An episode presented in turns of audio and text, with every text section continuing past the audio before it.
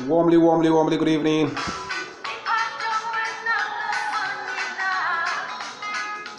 Warmly good evening to Ginside Radio. My name is Okunini Kamnabempa. Bringing to you few council juju, few council brebre. Today being the second day of June 2020, the year of our Lord. It has been by God's grace, His protection, and His mercies. Indeed, has really faced the realities of our lives. Warmly good evening to all our cherished listeners, wherever you find yourself. I greet you all. A few council do, few council brother on against side radio.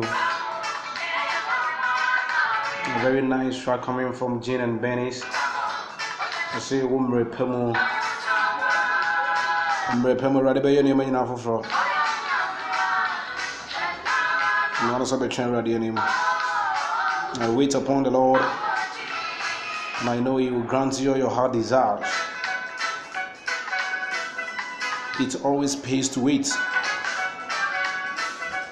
You need to always wait on the Lord. I know He will surely grant you all your heart desires.